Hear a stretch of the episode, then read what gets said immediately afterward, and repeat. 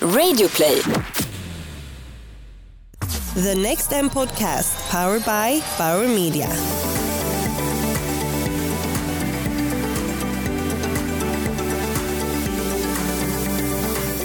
Välkommen till eh, Next M's podcast som produceras tillsammans med Bauer Media.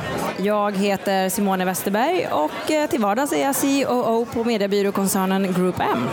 I den här podden får du träffa såväl internationella inspiratörer som nationella specialister inom marketing och tech. Just nu så sitter jag i Bauer Media studio och framför mig har jag eh, Errol Balkan Hello. Hi. Thank you so much for coming here. Thank you for having me. Um, we've just listened, everyone who's been at NextM, I've just listened to your um, very interesting speech. Thank you. Uh, can you please elaborate for those who didn't have the opportunity to hear? What's your message? Well, I was talking about both where we find ourselves today in terms of the basic infrastructure of digital and network technology, which is that we're living in an era of surveillance capitalism where the business model of corporations such as Google and Facebook is based on surveillance. It's based on tracking people, both when they use their services. So when you use Gmail, for example, Google reads your email. When you use Google Drive, they read all of the documents that you put on Google Drive. Um, and then they add this up with all of the information they have about you when you're browsing the web, uh, the information they buy from third parties, data brokers, the information they get from retailers when you use your credit card, and they create a profile of you by combining all of this with their algorithms. And that profile is basically a simulation of you, a proxy, a copy of you that they then use to exploit your behavior, to manipulate your behavior for their profit and political motives. Um, because, of course, it's not just when you're a multi billion dollar corporation, you don't just have a profit motive, you have political needs as well. Um, Eric Schmidt, who used to be the uh, executive chairman of Google, once told me, I wake up every morning and I fight regulation. It's what I do, it's my job. So they know that they have political needs as well. One of those is that they should be left unregulated or self regulated so that they decide what they do. And that's, of course, uh, in my talk, I was saying that that's what we must absolutely not do. That democratic governments have a mandate to protect their citizens from exploitative and extractive corporations, and that's why they must regulate them. We're seeing with Cambridge Analytica, and Very much, with, yeah. yeah, with the what can happen, what this can lead to. This is not new, and this is not a mistake. It's their core business model. Um, it's systemic. It's structural. This is what they do, and this is what they're very successful at. So, um, as far as Google and Facebook are concerned, there's no problem here. As far as their shareholders are concerned, there's no problem. They're making billions and billions, right? So the system is broken, uh, but within that broken system, these corporations are doing exceedingly well. So that's why we need an external. Uh, we need an external. Um, what's the word I'm looking for? An, an external uh, force to act upon this system, and that's regulation. And also, the other part of my talk was that we need uh, to build ethical alternatives to these uh, businesses because the Silicon Valley way of building technology is not the only way you can build technology. You can build technology uh, with ethical funding, not venture capital. Uh, you can fund it from the commons, for example, for the common good. And you can build technologies that are decentralized, that are owned by individuals, not corporations, that are um, free and open, so you don't have to trust them because you can see exactly what they're doing, and that are interoperable, so that there's no lock in. Um, and this is what I would call ethical technology. How do you see the evolution? What happened and when did it happen? When did it all go wrong, according to you? Well, I, I don't think there was a moment when it all went wrong. Uh, again, this is a very systemic and uh, structural problem. So, if we look at the history of computing, we started out with mainframe computers, and these were centralized. They were owned by corporations and universities, but they were very limited in scope to those corporations and universities.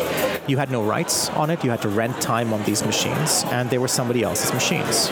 And then we saw a democratization uh, with the introduction of personal computers. These were machines we owned and controlled. So it was decentralized. And they only did what you wanted them to do. They didn't track you, they didn't profile you, they didn't try to manipulate your behavior. If they did any of that, we called it spyware and malware. Um, but then we went back to the future with the web.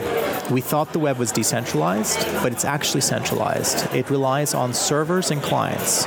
So the servers are owned, can be owned by individuals. Initially, they were, but we they can also be owned by corporations.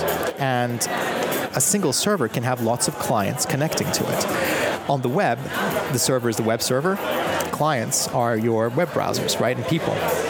So what happens when you put that system, client server, initially lots of people have their own servers because they're all geeks, they're all academics, they're building the system. So there are lots of servers, lots of people.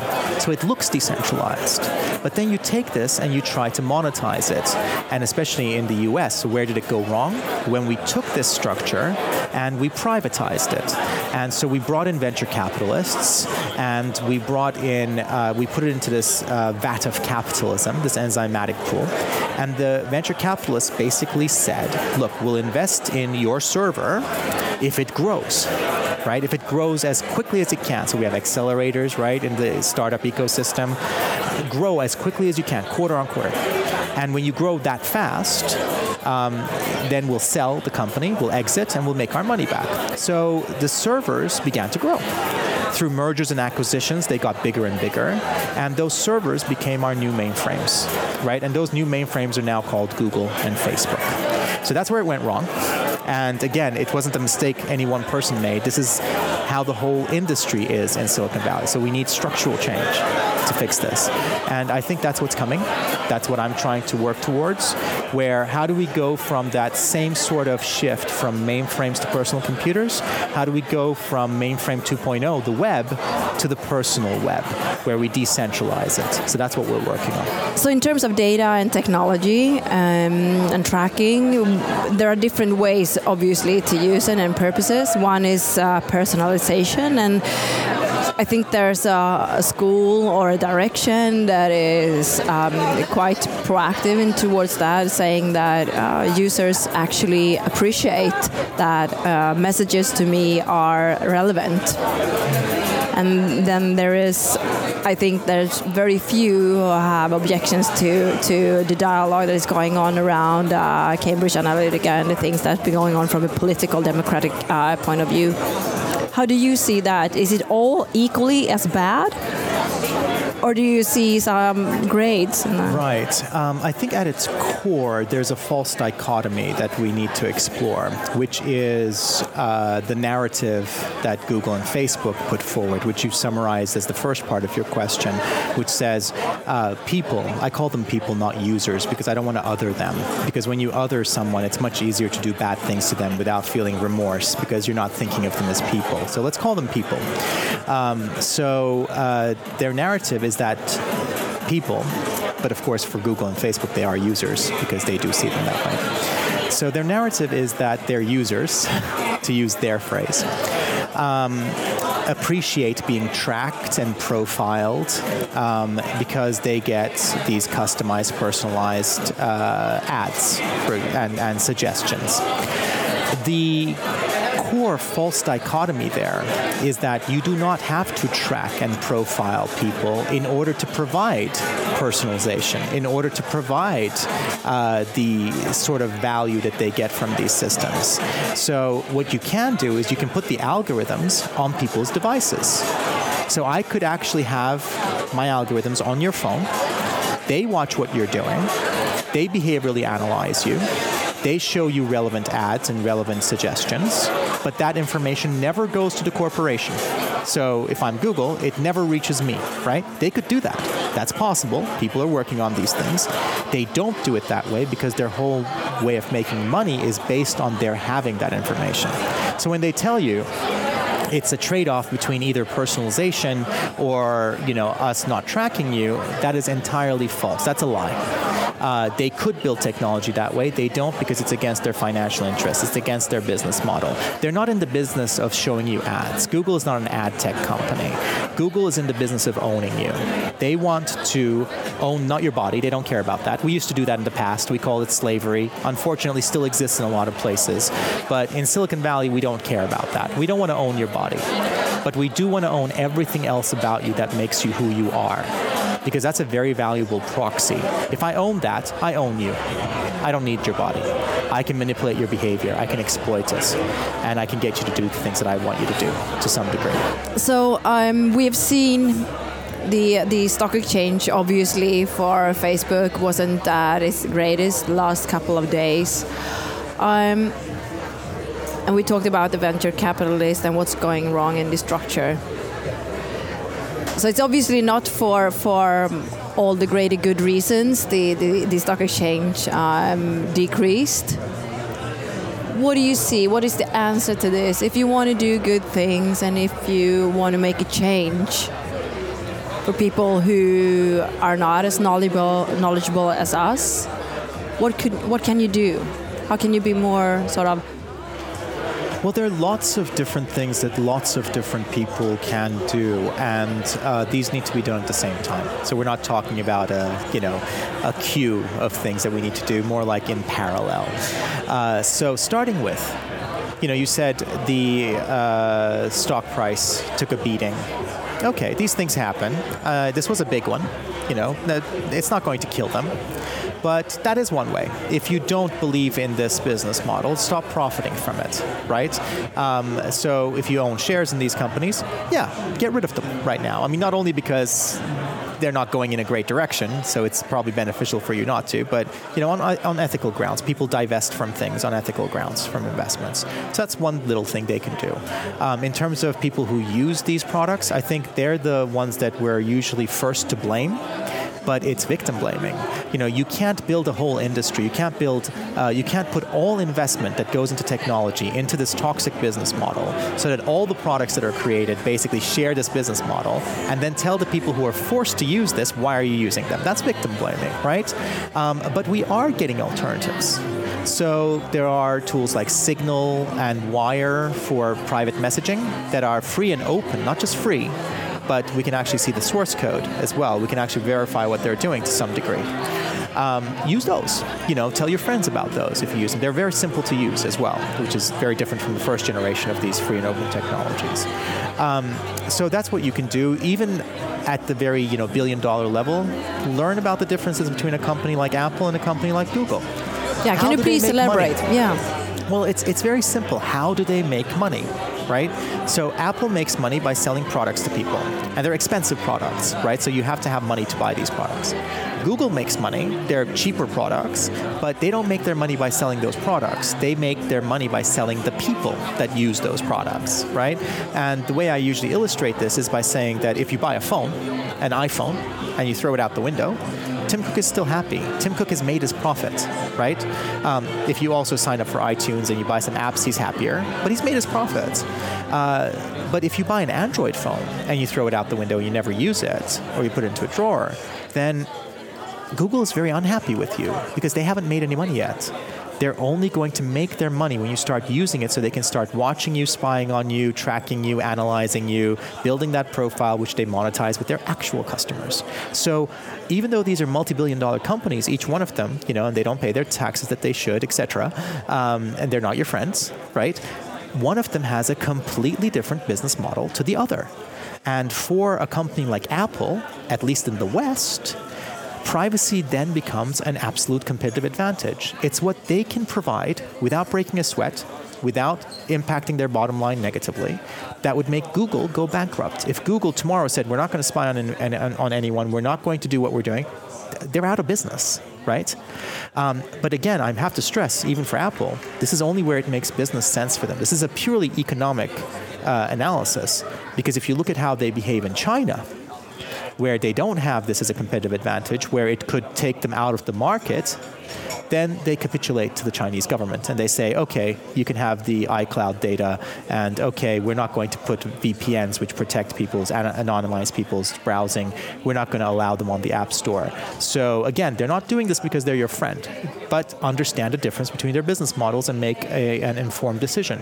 All these little things matter if you work for these companies that are doing behavioral tracking and that are part of this surveillance capitalism, if you have the privilege to, work somewhere else. Look at companies that sell products, not people. Um, what you won't be able to do is change the core business model of the company you're working for. There are lots of good people who work at Google who uh, have been lied to themselves by the company, you know, who, who are working there to do some good. And some of them feel that they can change the business model. They can't, because again, for their shareholders, the business model is not broken. If Google tried to change its, its, its business model, it would probably be sued by their shareholders for reducing their profits. So, you know, there's a lot that everyone at every level can do about this. Right. So now we talked about where Google and Facebook is today and, and the business model which is, has, has issues uh, according to you. So if you were a wizard and had the opportunity to, to start Google and Facebook today, first of all, would you? And second, what would you do to make it right, in well, your first, opinion? I mean, it's a great question. First of all, I would not want to be a wizard because a wizard is just another word for a king, right? Um, and the problem is that we have built a system based on kings. So, would I start another Google or Facebook? No, because that would rely on me being a benevolent king. And that's the problem because, you know, sometimes we're lucky enough to get benevolent kings.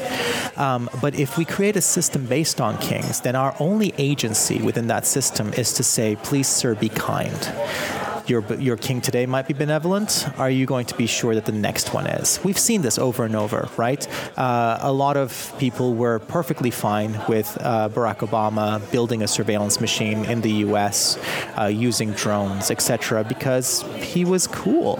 You know, he played basketball, he said all the right things.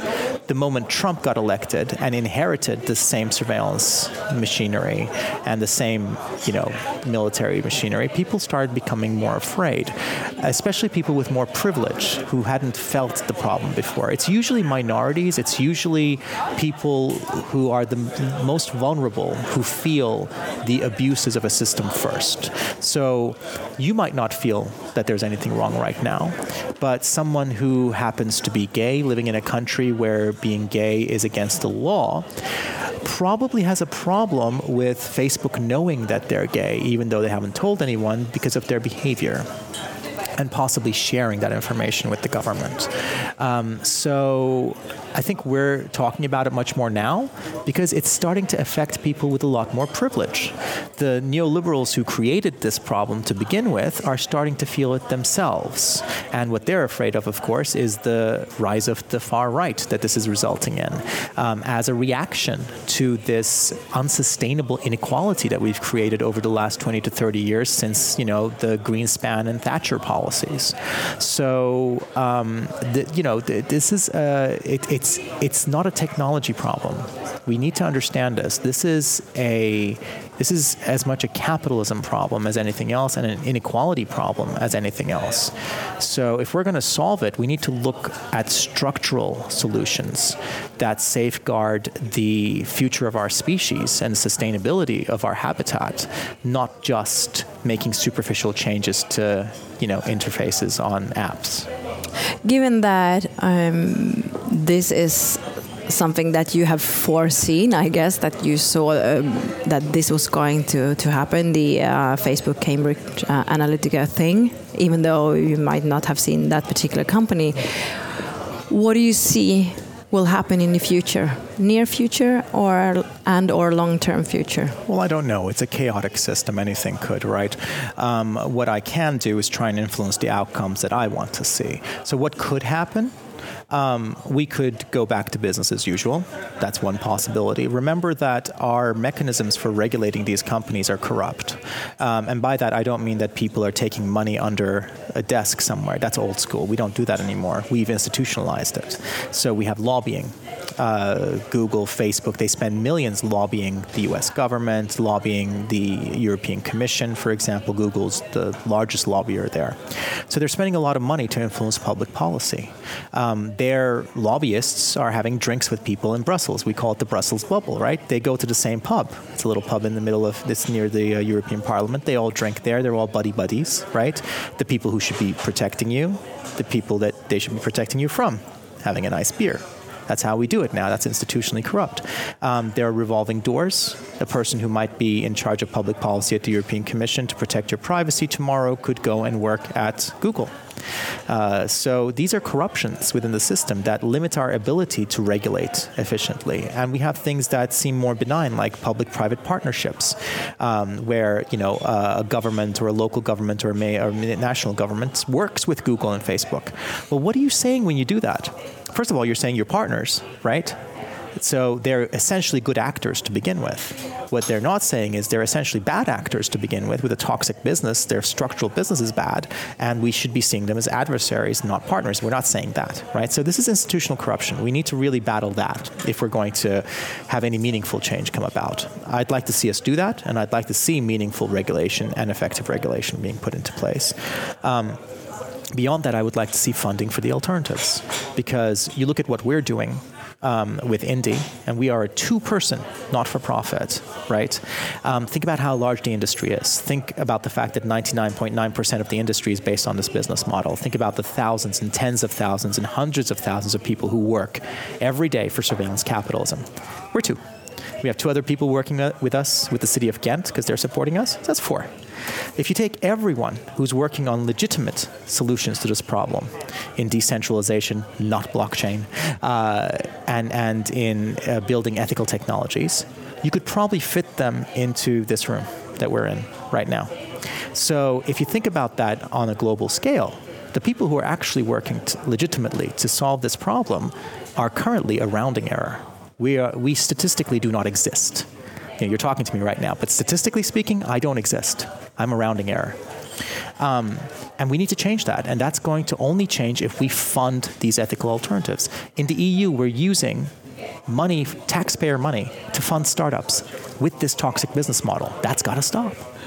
Now, if that stops and we start funding ethical businesses that cannot be sold to Google and Facebook if they're successful, but they become sustainable long-term uh, operations here based in the, in the in Europe, then that's a start. But it all depends on whether we take these decisions and which decisions we take going forward. Are we at are we past a tipping point? Is the inequality so far um, gone that uh, we can't make a change? I don't know. I truly don't know. I hope not, and I'm working for a future assuming that it is not. Yesterday, we had a keynote speaker from a security company. Was that Mikko? Um, yes, Mikko, yeah. yeah. F-Secure. Yeah, F-Secure. And he said something around, well, we obviously know that some of the big corporations has their challenges and issues, but we also know that they are quite good at sort of preserving data as meaning if you are a hacker you're less likely to mm. be able to be hack those mm-hmm. databases than mm-hmm. somewhere someone else yeah. so how would that apply to having um, for instance, your services and other right. sort of ethical services mm-hmm. at this point? Right. Meaning, if I'm, I'm, I'm, I'm afraid to preserve my data somewhere. Right. So um, Mikko's entirely right. So if you think about Facebook and Google as what they are, which is factory farms for human beings, then you are the livestock, right? You are their asset. Uh, any business has uh, a fundamental interest in securing their assets. So if I'm a, fact- a traditional factory farm and I have chickens, then I'm going to keep those chickens as safe as possible from every other fox but myself, right? So that's in my interest. And yes, Google has some of the best security people working for them. Facebook has probably some good security people working for them. Uh, the Cambridge Analytica uh, revelations don't necessarily attest to that, but let's say Google has some of the best uh, working for them. What they're doing, you have to be very clear in this is to understand that they're protecting their assets. You are their assets. Your data is theirs. It's not your data, it's their data. And so they're going to have the best security possible to protect that data from anyone else but them. Right? But that's because you're their livestock and they're protecting their, their livestock. That's what they're doing. Um, until they choose to farm it themselves, of course. You have no protections against them. So security and privacy are two very different things. So on Google, for example, you can have great security, but you have absolutely no privacy, and that's what's toxic to your human rights and to democracy. So as long as you're willing to have Google as your king, that's fine. But again, I want to move forward to a future where we don't have kings, where our only agency isn't to say to some king, whether it's Google or Facebook or Apple, you know, please protect my rights, please be good, please don't abuse me. No. We can do a very we can we, we we've had democracy for a very short period of time in human history we as humans have not been property for a very short period of time in history. And that is what we risk losing. And that's what I'm working for that we have a future where we don't lose those things, where we don't lose our human rights, where we don't lose democracy. And that is not a future that's compatible with the existence as they currently do of Google and Facebook because they have created this feudal system. And we need to move beyond that if we want to reclaim our democracy because we have already lost it if we're going to reclaim it. So, if that would be a utopia, hope, hopefully it's not, but, but I mean, if there would be utopia in terms of how far we would get, uh, a naive perspective of me is like, okay, Google and Facebook and other companies that track me has a lot of data. What's the worst thing that could happen. Right. And until recently, I scratched my head and said, "Oh, okay, this was a bit beyond." Yeah. Do you think and believe that there is sort of a moral compass within these corporations, or do you think they they are just exploring financial growth? Well, think about what the corporation is as we've designed it. What have we done? We've created a structure in which we strip individual people of individual responsibility, right? And there's corporate responsibility for the corporation, but the individuals inside of it don't have individual liability. And we give this construct one goal provide quarter on quarter profit growth for your shareholders, right? By whatever means, right? Don't break the law, but that's even pliable, isn't it? Um, what have we created? We've created a sociopath that is like a textbook definition of a sociopath when you think about what we've created in the form of a corporation and a publicly traded corporation. So you're asking me, um, you know, is there a moral compass to a sociopath? No, by definition, no, there is not. Um, do we have decades, if not centuries, of evidence that corporations do not act in the best interests of individuals when left to their own devices? Yes, we do. Look at the first few industrial revolutions. What did we do? We usurped the earth. Right? We cut down every tree we could find. We drilled as far as we could into every mine we could. Until we started realizing if we keep doing this, we're not going to have a habitat. Forget about destroying the world. We'll never destroy the world, right? Bacteria will survive no matter what we do. It's we're one fragile species, and we have a very fragile habitat. So we realized, look, if this goes on, these companies were making billions, by the way, right? Cutting down the Amazon rainforest. We're still doing it, but not at the same rate.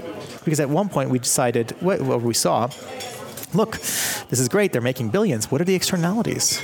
You know, uh, I was reading recently that there was a study done um, on uh, successful corporations, and that not one of them would be profitable if we actually put environmental costs into the equation.